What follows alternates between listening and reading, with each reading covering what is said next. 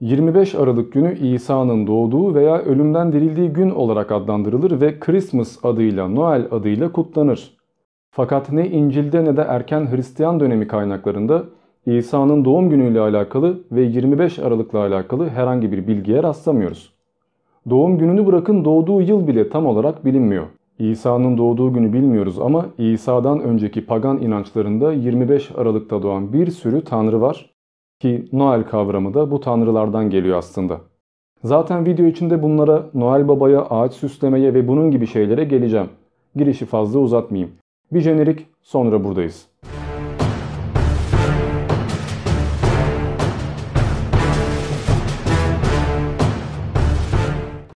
İlk olarak Christmas'la başlayalım ki Christmas şu anda 25 Aralık'ta İsa'nın doğumunu kutlamaktan ibarettir. Her ne kadar bizim birçok vatandaşımız Müslüman Noel kutlamaz diye 31 Aralık gecesi yılbaşını kutlamayı kastetse de bu ikisini birbirine karıştırsa da 25 Aralık gününün yılbaşını kutlamakla hiçbir alakası yoktur. Kaldı ki yılbaşında İsa'nın doğumunu kutlasanız da bu aslında kötü bir şey değildir. Neticede İsa Müslümanların da peygamberi. Gerçi kim bir kavme benzerse o da onlardandır şeklinde rivayetler, hadisler ve ayet yorumlamaları olduğu için insanların büyük bir kısmı bu tip şeylerden uzak duruyor. Durabilir. Neyse biz bunun kökenlerinden devam edelim. Erken dönem Hristiyanları İsa'nın doğum gününü, onun 12 yaşındayken din adamlarıyla konuşmasını, 30 yaşındayken peygamberliğini ilan etmesini ve bunun gibi şeyleri 6 Ocak gününde Epifani adıyla tek bir günde kutluyorlardı. Ancak bir dönem sonra İsa'nın doğum günü olarak kabul edilen gün 25 Aralık'a çekildi. İsa'nın doğumu Latin dilinde şöyle anlatılır. Festum Nativitatis Domini Nostri Jesu Christi ki bu uzun anlatım zamanla kısaltıldı ve Dies Natalis Domini halini aldı. Buradaki Natalis kelimesi ise doğum anlamına geliyor ki bu kelime İtalyanca'da Natale, Portekizce'de Natal ve Fransız dilinde de Noel haline geldi. Milattan sonra 597. yılda Papa Büyük Gregory tarafından St. Augustin Saksonlara Hristiyanlığı öğretsin diye göreve gönderildi ve St. Augustin bu bölgelere gidip de Hristiyanlığı doğru düzgün yayarken bazı kutsal günleri de beraberinde getirdi. Gerçi getirmek demek doğru olmaz. Zaten bu kavimler belirli günleri 25 Aralık gibi günleri kutluyorlardı fakat başka tanrılar için kutluyorlardı. Artık tanrıları değiştirerek 25 Aralık'ta İsa'nın doğumunu kutlamaya başladılar ve Christmas tabiri de 597. yılda lügata girdi. Şimdi Christmas'taki Christ'in niye geldiğini biliyoruz. Sonuçta Christ yani Jesus adından geliyor. O kutulandığı için o güne onun adı veriliyor. Peki Mas nereden geliyor? Hristiyanlarda ekmek ve şarap yemek gibi bir ayin vardır. Buna komünyon denir ve bu ayin zaten Roma'da da daha öncesinden vardı. Siz 25 Aralık'ta hem İsa'yı anıp ekmek şarap yiyip hem de onun doğumunu kutladığınız için Christmas yani Christmas olarak bu kutlanmaya devam edildi ki zaten buna Noel diyerek doğum günü kutlaması olarak bunu basitleştireceklerdi. Hatta Noel Baba gibi şeyler falan da çıkacak ortaya ama ona birazdan geleceğiz. Şimdi 25 Aralık günü İsa'nın doğduğu gün değildi her ne kadar öyle inanılıyor olsa da. Ama İsa'nın haricinde başka varlıkların doğum günüydü. Örneğin Roma'nın eski resmi inancı olan Mitraizm'deki Mitra'nın doğum günüydü. E bunun haricinde 17 Aralık'tan 25 Aralık'a kadar da Saturnalia kutlamaları yapılırdı. Yani bir nevi kurban ritüeli yapılırdı. Satürn'e hayvanlar kurban edilirdi ve hasat şenlikleri için iyi dilekler dilenirdi. Zaten daha önce çeşitli toplumlarda kurban nasıl verilir, kurban ritüellerinin çeşitleri nelerdir bununla alakalı bir video yapmıştım. O yüzden burada buna fazla değinmeyeceğim. Bizim Hristiyanlık inancını tam olarak anlayabilmemiz için öncelikle bunun resmi din olarak kabul edildiği Roma'nın eski dinini ve geleneklerini bilmemiz gerekiyor. Yani Mitraizmi gerçekten de iyi bir şekilde araştırmamız gerekiyor. Çünkü Hristiyanların Mitraizm'den aldıkları şeyler sadece 25 Aralık'la sınırlı değil. Mitra 25 Aralık'ta doğdu ve ona Dies Natalis Solis Invicti yani yenilmez güneşin doğum günü dendi. Bugün Mitra'nın doğum günü olarak Noel olarak kutlandı. Daha sonra bunun İsa'nın doğum gününe dönüştüğünü biliyoruz. Peki kan ve şarap ayini nereden geldi? Bunu da şöyle bir alıntıyla size anlatayım. Ben zaten ekrana bütün yazıyı vereceğim. İsterseniz durdurup okuyabilirsiniz. Ben kısaca konuyu özetleyip sıradaki şeye atlayacağım. Mitraizmde Mitra bir anda ortaya çıkan bir çocuktur ve büyüme sürecindeyken birçok şeye meydan okur. Başta güneşle bile düşmandır ama sonra güneşle arası iyi olur ve bir gün kutsal bir boğayı görür. Bu boğa gerçekten dikkatini çeker ve onu yakalamak için elinden gelen her şeyi yapar. Sonunda boğa pes eder ve Mitra ile arkadaş olurlar. Fakat Mitra Helios'ta yani güneş tanrısıyla da arkadaş olmuştur. Güneş ona boğayı kurban etmesini söyler. Çünkü Mitra'nın varoluş amacı bu boğayı öldürmek ve varlığı, kozmosu, dengeyi getirmektir. Mitra boğayı bıçaklayarak öldürür ve boğanın içinden bir sürü varlık taşmaya başlar. Adem ve Havva gibi ilk insanlar boğanın içinden taşarlar. Şarap ve ekmek gibi birçok şey boğanın içinden taşar ve varlık oluşur. Daha sonra Mitraistler kutsal günlerinde bu buğday ve şarabı anarak boğa kurban ederek bu ritüeli tekrarlarlar. Aslında buradaki boğanın öldürülmesi ve içinden varlığın taşması teorisi zaten daha önce bizim Anadolu uygarlıklarında yaygın olan bir inançtı. Şöyle özetleyebiliriz. Paymat isimli ejderhayı Marduk öldürür ve bu ejderhayı paramparça ederek gezegenleri, yıldızları ve dünyayı yaratır. Varlığı yaratır. Zaten bundan da Şeytanın Tarihi adlı videomda bahsetmiştim. Çok fazla girmeyeyim. Ya da şöyle yapayım zaten bundan sonra yine bazı videolarıma gidebilecek şeylerden bahsedeceğim. Videom var diyerek size bunu hatırlatmayayım. Açıklama kısmına hepsinin linkini koyuyorum. Dilerseniz daha fazla bilgi için açıklamadaki linklere bakabilirsiniz. İmparator Aurelian milattan sonra 274 yılında Mitra'nın doğum gününün 25 Aralık olmasını resmileştirdi. Zamanla Mitra ve Güneş birleştiler ve ikisi bir olarak adlandırıldılar. Mitra babaydı, baba da Mitra'ydı tıpkı İsa ve Tanrı gibi. Mitra o kadar kutsallaştırıldı ki Mitra Tanrı'nın insanlarla konuşmak için kullandığı bir araç haline geldi ki askerler bile Mitra'yı koruyucu bir anne gibi gördüler. Askerler savaşa gitmeden önce Mitra rahiplerinden kutsanma alıyorlardı. Böylece savaşta Mitra'nın onları koruyacağını düşünüyorlardı. Tıpkı Haçlıların savaşa gitmeden önce Papa'dan kutsanma alması gibi. Neyse fazla Mitraizmle videoyu uzatmayayım zaten çoğunuz Noel'i merak ediyorsunuz. 25 Aralık'ta Mitra'nın doğum gününün kutlanmasının artık İsa'nın doğum gününün kutlanmasına dönüştüğünü zaten biliyorsunuz. Fakat bu kutlamalar zaten birçok inanışta vardı. Örneğin 20 ila 31 Aralık'ta Yul kutlamaları denilen yine hasat kutlamaları vardı. Kış dönümü kutlamaları vardı. Hem Saturnalya kutlamaları hem bunun gibi kutlamalar hem Türklerdeki Nevruz kutlamaları aslında 25 Aralık'ta günlerin uzamasından geliyor. Güneş baş tanrı olduğu için ve 21 Aralık'tan sonra güneş insanlarla daha fazla kaldığı için bizimle daha çok kaldığın için sana şükrederim mantığıyla tanrıya kurbanlar veriliyor ve bu kutlanıyor. Güneşin daha uzun kalması insanlar için avantajlı çünkü tarım yapabileceksiniz ve güneş her türlü işinize geliyor. Şimdi böyle kutlamaların birbirine benzemesinin ya da bazı tanrıların veya peygamberlerin hikayelerinin birbirine benzemesinin şaşılacak bir tarafı yok. Çünkü bütün toplumlar inançlarını geliştirirken diğer inançlardan bazı örnekler alırlar. Örneğin bir yerde Adem ve Havva çıkıyorsa diğer tarafta Adam ve Eve çıkıyor. Bir yerde Nuh tufanı varsa diğer tarafta Gılgamış destanı var. Bunun gibi birçok örnek var. Ama bütün dinlerde kutsal kabul edilen ortak bir temaya bakarsak ağaçlara bakabiliriz. Bunu isterseniz yaşam ağacı olarak algılayın, isterseniz çam ağacı olarak ki zaten bunlara da şimdi geleceğiz. Her mitolojide ölen ve dirilen tanrılar vardır ve bu tanrıların bazı ağaçları vardır. Selvi ağacı gibi, kavak ağacı gibi bazı ağaçlar bu tanrılarla özdeşleştirilir ve türbelere ve birçok yere bunlar dikilir. Bu ağaçların en ortağı ise çam ağacıdır çünkü çam ağacı soluk yaprak dökmeyen bir ağaçtır. Ölümsüzlüğü sembolize eder ve birçok tapınağında ortasına bu ağaç dikilir. Hatta tapınaklarda tavan yapılmaz çünkü ağacın daha fazla uzaması istenir. Işığı alması istenir. Çam ağacının böyle bir ağaç iken Noel kutlamalarında süslenen bir ağaca dönüşmesi ise yine Mitraizmle başlıyor aslında. Fakat biz anlattığımız şeyleri sadece Mitraizmle sınırlandırmayalım, başka inançlardan da örnekler verelim. Örneğin eski Anadolu inancında Kibele isimli bir tanrıça vardır ki bu tanrıça verimlilik tanrıçasıdır. Yani halkın ve hasadın tanrıçasıdır. Kibele bir gün Attis isimli bir gence aşık olur ve onunla evlenmek ister. E Attis de bunu tabii ki kabul eder ve aralarında söz keserler. Fakat aradan bir süre geçince Atis başka bir kıza, Pesinus'un kızına aşık olur ve onunla evlenmeye karar verir. Düğün yaparlar fakat düğün esnasında Kibele gelir ve Atis yaptığı yanlışı hatırlar, verdiği sözü hatırlar ve çok pişman olur.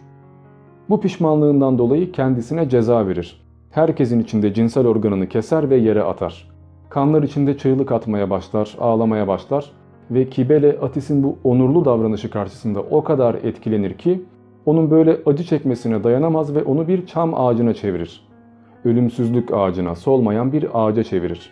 Ha bu arada ek bir bilgi vermek gerekiyorsa şu anda çocukların sünnet edildiklerinde artan deriyi insanların niye çam ağacının altına diktiğini de buraya bakarak öğrenebilirsiniz. Yani bu gelenekler zaten hala devam ediyor ama biz çoğunun farkında değiliz. Yine başka bir Mezopotamya inancında bunun bir benzeri vardır. İnanna isimli tanrıça Tammuz isimli tanrıyı öldürür ve yılın belli bir dönemi, kış dönemi onu tekrar kısa bir süre için diriltir. Tammuz'un doğduğu dönemde hasat ve verimlilik canlılaşır. Güneş daha fazla kalmaya başlar. insanlar daha çok zenginleşir, daha çok ürün bulur. Ve bunun için bu dönemde yine kutlamalar yaparlar. Hangi dönem sizce? Tabii ki de Noel dönemi. Ve tabii ki Tammuz'un da bir ağacı vardır. Diğer bütün tanrılarda olduğu gibi çünkü ağaçlar dediğim üzere kutsaldırlar. Onlar canlılığı sağlarlar ve kökleriyle bir yandan yeri tutarken diğer taraftan da göğe doğru uzanırlar. Yani bunlar gök ile yeri sanki bir arada tutuyormuş gibi bir köprü görevi görürler. En azından antik mitlerde bu böyledir. Türklerde de bu az önce anlattığım ağaç hikayelerine benzer bir akçam vardır. Ki akçam yine Aralık günlerinde e, süslenir, dilekler dilenir. Çünkü bu akçamın dallarının Tanrı Ülgen'e kadar gittiği düşünülür. Yani ağaç yine Tanrı ile dünya arasında bir köprüdür. Eski Türklerde akçam ağacı yılbaşına yakın dönemlerde süslenirdi ve buna dilekler bağlanırdı. Kırmızı kurdelelerle Tanrı'dan bir şeyler isterdiniz ve Tanrılara hediye olarak da kurban verirdiniz. Yani öyle ağacın dibine hediye koymanıza, paket yapmanıza gerek yok. Siz Tanrı'ya kurban veriyorsunuz, Tanrı da size bir şeyler veriyor. Takas yapmış oluyorsunuz. Aslında bu inanç şu anda bile devam ediyor. Yani sizin türbelere gitmeniz, orada dilek tutmanız ya da herhangi bir dilek ağacına dilek bağlamanız ya da bir kuyuya para atmanız bununla aynı mantıktır. Şu anda Noel ağaçlarının tepesine bir yıldız takıldığını görüyorsunuz. Ve bu sanki yeni bir şeymiş gibi geliyor değil mi? Halbuki bu da eski. Eski Türklerde çam ağacının, ak çam ağacının tepesine dallardan yıldız şekline getirilmiş bir figür takılırdı ve bu yıldız da gökteki demir kazığı yani Sirius yıldızını temsil ediyordu. Ki Sirius yıldızı köpek takım yıldızındaki ve gökteki en parlak yıldızdır. Bu yıldızın Türkler açısından önemi çok büyüktür çünkü Türklerde köpek, kurt kutsaldır. E bu yıldız da zaten Asena gibi, Türeyiş destanı gibi şeylere ilham olan varlıktır. Zaten Sirius yıldızı ile alakalı da bir video neyse. Biz ağaçtan devam edelim. Şimdi ağaçlar birçok inanışta var değil mi? Örneğin cennet ağacı var. Cennet ağacında yasak bir meyve var. Adem ile Havva o meyveyi yerler ve kovulurlar. Vikinglerin inancına baktığınızda onlarda da Yggdrasil vardır. Yani bütün evreni oluşturan bir ağaç vardır. Ağaç figürünü Türklerde gördük, Sümerlerde gördük ve şu anda Hristiyanlıkta görüyoruz. Peki Noel Baba gibi şeyleri nerede görüyoruz? Bu nerede ortaya çıkıyor? Ona da şimdi geliyoruz. Türklerde yeni yıl kutlamaları Nardugan Bayramı adıyla kutlanıyordu. Niye Nardugan? Çünkü nar kırmızı, güneş gibi parlayan anlamına gelir. Zaten şu an bile nar gibi kızardı şeklinde cümleler kuruyoruz değil mi?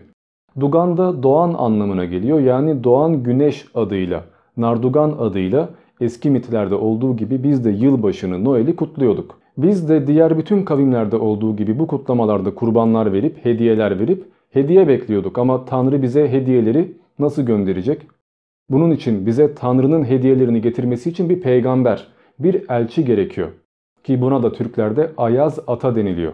Efsaneye göre Ülker Burcu'nun 6 yıldızı göğün 6 kapısını simgeliyor ve bu 6 kapıdan 6 ayrı soğukluk geliyor. Rüzgar üfleniyor çünkü Türk inanışında evren yel ile, rüzgar ile dönüyordu. E insanlar bu soğuktan korunmalıydı. Bunun içinde kürk gibi şeylere ihtiyaçları vardı ve onları koruyacak tanrılar gerekiyordu. Ayaz Ata da yani soğukluğun babası da bu dönemde Türkleri koruyan, onlara kürkünü alabileceğiniz hayvanlar gönderen bir varlıktı. Zaten Noel Baba'nın bu altı geyiği de Ayaz Ata'nın altı kapısından geliyor. İkisi de aynı karakter ki bu karakter zaten başka mitolojilerde de var. Örneğin İskandinav mitolojisine baktığımızda Thor'un babası olan Odin isimli bir tanrı görüyoruz. Odin uçan atı Slipnir ile avlanmaya gittiği zamanlarda İskandinav çocukları Slipnir için çizmelerinin içine havuç ve saman koyuyorlardı. Bu çizmeleri de şöminenin üstüne asıyorlardı. Odin ise bu iyilikleri karşılığında çocuklara hediyeler getiriyordu. Ve aynı şekilde aileleri soğuktan koruyordu. Ayrıca Rusçadaki Dead Maroz yani kış dede figürü de buradan hareketle yaratılmıştır. Her ne kadar İskandinav inancında ve birçok antik inanışta bunun gibi figürler olsa da Hristiyanların böyle mitolojik bir karaktere ihtiyacı yoktu. Onların zaten azizleri vardı. E bu iş içinde bir aziz bulunması gerekiyordu. Böylece bir masal yaratılacaktı. Santa Claus masalı. Hem Ayaz Ata'ya hem Ded Maroz'a hem Odin'e hem de diğer karakterlere benzeyen hepsinden kırmızı palto veya geyik gibi çocuklara hediye vermek ya da kışın gelmek gibi özellikler alan bir karakter lazımdı. Ve Hristiyanlar böyle bir karakter yaratacaklarsa tabii ki de bunu azizlerden yapacaklardı. Çünkü her yıl ölmeyip sürekli gelip gidebilen ya da mucize başarabilen bir varlık ancak aziz veya peygamber olabilirdi. Buna uygun bu hikayeye göre yaşamış olan oldukça yardımsever bir aziz bulunacaktı ki onun da adı Santa Nikolas'tı. Milattan sonra 4. yüzyılda Antalya'da yaşayan Santa Nikolas birçok dilde farklı isimlere getirildi. Ki onun hikayesi de şöyleydi. Santa Nikolas gerçekten de yaşamış biriydi. Hatta onun kemiklerinin bile bugün nerede olduğu mezarı bellidir. Santa Nikolas oldukça yardımsever biriydi ve fakirlere ve çocuklara karşı çok merhametliydi. Kış aylarında onlara giyecekler hediye eder, bazı yardımlar alır, devlet sayesinde insanları mutlu ederdi ve insanların pencerelerinden gizlice içeri altın bırakır, hediyeler bırakırdı. Bu pencereden hediye bırakma olayı zamanla bacadan hediye getirmeye dönecekti. Tıpkı eski İskandinav çocuklarının çizme asmalarının şu anda çorap asmasına dönüştüğü gibi. Aziz Nikolas, San Nikolas diye okunur ve İtalyanlar da buna Santa Nikolas derler. Hollanda dilinde bu Sinterklaas'tır ve Fransızlar ile Amerikalılar buna Santa Claus diyeceklerdir. Yani Noel Baba. Peki Noel Baba böyle kırmızı şapka takan, göbekli geyiklerle gezen bir tip miydi? Tabii ki hayır. Bunlar çok yeni figürler. 19. yüzyılda bunlar yaratılmaya başlandı. Zaten bir Noel Baba figürü vardı ama bunun tipi, karakteri, özellikleri bazı karikatüristler tarafından belirlendi. Günümüzdeki Noel Baba imajı bir karikatürist olan Thomas Nast'in 3 Ocak 1863 tarihli Harper's Weekly dergisinde yayımlanan çizimlerine dayanıyor. Nast'in çizimleri 1822'de Amerikalı bir şair olan Clement Clark Moore'un yazdığı kabul edilen A Visit from St. Nicholas yani Aziz Nikola'nın ziyareti veya Twas the Night Before Christmas yani Noel'den önceki geceydi diye bilinen şiirine dayanıyor. Bugün televizyonlarda gördüğümüz Noel Baba imajı çizer Hudson Sandblom'un 1931 yılından itibaren Coca-Cola şirketi için hazırladığı çizimleriyle son halini aldı. Sandblom'un Noel babası şişman, beyaz sakallı, uçları beyaz kürklü, kırmızı bir kıyafet giyen, siyah kemerli, siyah çizmeli, yumuşak kırmızı şapkalı, tonton bir dedeydi. Yani bizim bugün gördüğümüz Noel Baba figürü aslında tamamen Coca-Cola'nın bir üretimi. Kolanın siyah rengi onun siyah kemerine, siyah çizmesine, koladaki kırmızı ve beyaz etiketler ise onun tamamen renklerine ayrılmış durumda. Bundan önce Noel Baba'nın tipi bilinmiyordu ama öyle bir inanış vardı. Tabii ki bu o kadar da yaygın değildi. Ama Coca-Cola'nın bunu yaygın hale getirmesi, reklamlarını yapması ve şu anda bile yılbaşına doğru Noel Babalı Coca-Cola reklamlarının çıkması ve bununla alakalı oyuncaklar, dergiler, daha başka reklamlar yapılması bu figürü popüler hale getirdi. Yani aslında bizim şu an Noel kutlaması dediğimiz şeyler, bu tip adetler insanların evde kendi kendilerine yaptıkları sakince anma törenleriydi aslında. Ufak kurban verme ritüelleriydi ki kurban vermek de kalmamıştı artık. İnsanlar birbirine hediye veriyorlar. Ya daha önce nasıldı? Siz Tanrı'ya kurban veriyordunuz ve ondan bir şey bekliyordunuz. Şimdi arkadaşlarınıza hediye veriyorsunuz ve onlardan da hediye bekliyorsunuz. Aslında aynı inanış. Ama bu daha muhafazakar ailelerin kendi aralarında yaptığı şeylerdi. Şimdi ise bütün dünya tarafından ortalıkta binlerce insanın bir arada kutladığı eğlencelere dönüştü.